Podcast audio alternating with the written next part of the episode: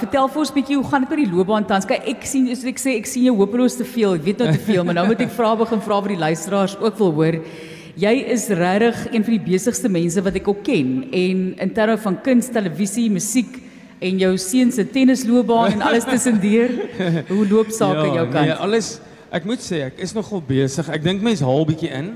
Na met die COVID ding het mense so lank stil gesit en en so. Ek dink mense het 'n ordentlike ruskans. Nou vang mense weer op, maar dit dis bly lekker en ek moet sê vandat ons in die Kaap woon, jy weet dis klomp plekke waar mense kan optree. Dis wynplaas en so ek is dis hoekom jy my so baie sien. Ek's gereeld in die Parel, dan's ek hier, dan's ek daar. Ehm um, en verder doen ons, jy weet, Koppie Tee Fontein, ons het weer nou in die 4de reeks begin skiet. Dis baie lekker vir my. Ek uh travel baie want ek meen mense moet ook baie opvlieg om te gaan konserte doen Ja. oral in die res van Suid-Afrika. Dis vir my lekker. Ek het verskriklik baie nuwe liedjies. Ek moet op 'n stadium net weer in die studio kom om hulle te rekord. Dis die enigste ding wat ek nou bietjie agter mee is, jy weet. Jy het die mooiste storie vertel van jou besoek aan Antoinette Pinaar vir 'n koffie 'n koppie tee fontein uh, episode en jy speel ook 'n stemnote wat sy vir jou gestuur het terug vir die gehoor. Dit was my so aangrypend, maar jy kan dalk vir ons 'n bietjie daarvan vertel en hoe jy jou gaste kies. Dit is ja, sy was natuurlik ek dink oor dit sy so interessante mens is en sy woon ook ek meen tussen nêrens en nêrens. Ek het net toe ek daar uitkom toe dink ek nie 'n inbreker of die duiwel sal hulle ooit opspoor nie want dis dis letterlik daar ver. En dan kom jy daar aan en sy praat met jou soos 'n heeltemal anders en sy leer jou en sy laat jou dink oor die lewe en oom Johannes sit daar en hy's ook al oud maar hy sit ook daar. So dit was 'n wonderlike ondervinding. Maar ons probeer met Koppie Tee Fontein 'n uh, groot verskeidenheid van mense. Wel ek kyk dit kom eintlik al van reis na gister. So ehm um, ons het besigheidsmense, ons het sportsterre, ons het sangers, ons het skrywers en so aan. So hoe meer verskillend die gaste is eintlik maar hoe beter. En dan Ja. natuurlik, ek meen as mense vir my interessant is, soos nou natuurlik Antoinette Pinaar en soos jy, ek wil al baie lank al met jou ook gesels het en dit so lekker gewees. En die eerste een van hierdie reeks was Jack Parow. Nou as jy nou die drie mense uitmekaar uit Jack Parow teenoor Antoinette Pinaar teenoor Martelies Brink, dis nog ons 'n verskeidenheid alreeds. Ja. En uh, ook met die uh, die die rugby afrigter Pieter de Villiers, hy's daar. Ek gaan met Kobus Wiese binnekort ook praat, ook in hierdie tyd van die rugby. So nee, daar is geen geen grense vir my van van gaste nie. Ek wens baie keer dit was nie net 13 episode elke reeks nie, want ek sal kan aangaan en aangaan. Dit's moeilik. Ja. Moeilik om te kies, maar jy het 'n baie mooi bemagtigingsprojek ook wat jy betrek by die program. So elke gas kry 'n ketel, ag ketel nie, 'n teepot, 'n teepot, 'n ketel. Ja. Jy kry 'n teepot. Ehm um, en dit is 'n baie interessant handgemaakte teepot. Ja. En dit is ook 'n bemagtigings organisasie wat jou op so 'n manier ondersteun. Dit is so, dit is daar in Makassar, waar ons woon in Somerset Wes. Makassar is net so so eentjie daarvan en daar is 'n uh, klomp Makassar pottery en hulle het klomp mense wat hulle eintlik daar um bemagtig om te kan pottery doen. So dis vir my so lekker om daar daar te kan doen. Dis naby, ek ken nou al die mense daar as ek daar aankom, almal wat daar werk en dan sê hulle vir wie's hierdie tepel en dan sê ek nee, dis nou vir die een, dan's almal so jy weet hulle sien nie noodwendig die mense wat daar werk sien nie eers die TV-program of so nie, maar dis vir hulle dan wys ek maar net foto's en so. En het jy dit ontwerp want dit is so 'n Ja. vierkantige blok Johan. Ja, dis dis ja, dit dis eintlik so 'n driehoek. Ek het geweet Okay. van die begin af ek wil graag vir die mense 'n teepot gee, maar ek het besef dit moet 'n teepot wees wat mense onthou.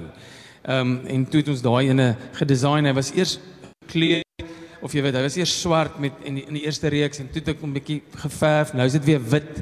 So elke reeks probeer ek dit so bietjie anders maak. Jak, jy was so kortstondig in die eiendomsbedryf. Jy praat van design, maar daar het jy ontwerpershuise verkoop, maar uh, jy's nou weer ingestel op 'n ander vorm van kreatiwiteit. Ja, kyk dit is ek, ek meen die dankie tog. Verstaan?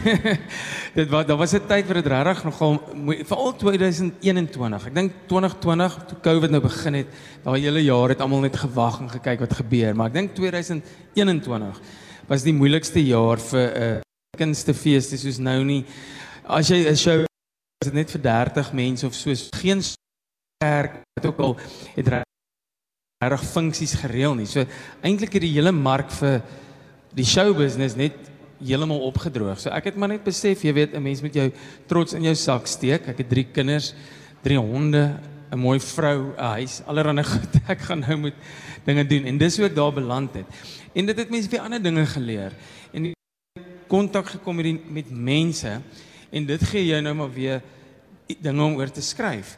Maar ek sal maar 'n kunstenaar bly. Ek is nie ek kan nie so in die corporate wêreld en dit jy weet dit is vir my te dit laat gee my slapelose nagte. Maar van van hierdie kunstenaarskap gepraat dan die kleur in jou musiek. Hoe komplementeer dit die kleur van Porchy se werke want hy's baie kleurryk. Hy's vir my 'n bietjie soos 'n Tretchikov, jy weet Ja. opwindende dinge wat daar gebeur. Wel, ek dink met Potjie as jy na sy goed kyk, ek meen dit is dis storieetjies. Jy weet jy, jy sien hierdie twee kinders wat sê maar met 'n fietsie ry of hulle gaan in by 'n kerkie of so daar's definitief verhale in die kleur van sy werk.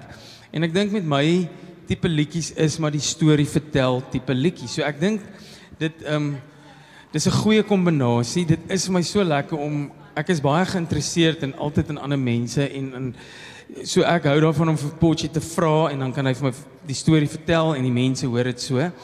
Maar ja, ons deel ons stories en ons deel ons liedjies en alles werk kom baie goed bymekaar uit in hierdie produksies. Jammer ons doen dit net 3 keer.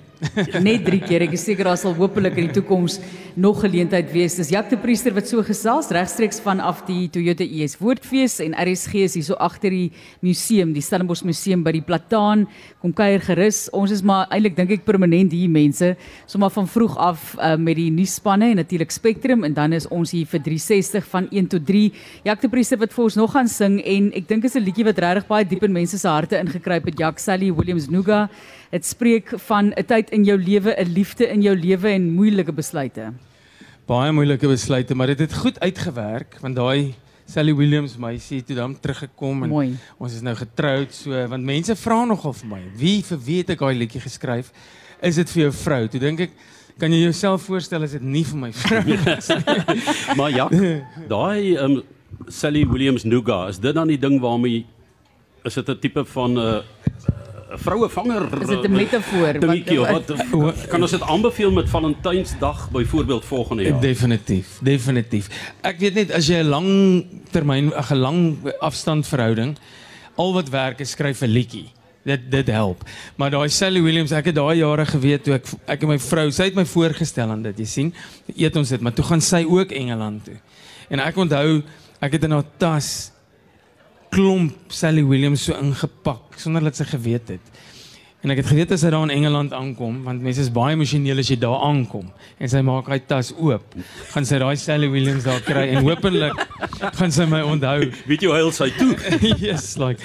Maar ja, ons is nou getroud en ons het drie kinders en dit gaan eintlik baie Ja, goed. so die kinders, die een se naam is Sally en die ander een William. en die ander in Drakensberge. Drankesberg is by so mooi gestel. Jacques de Priester hier op RSG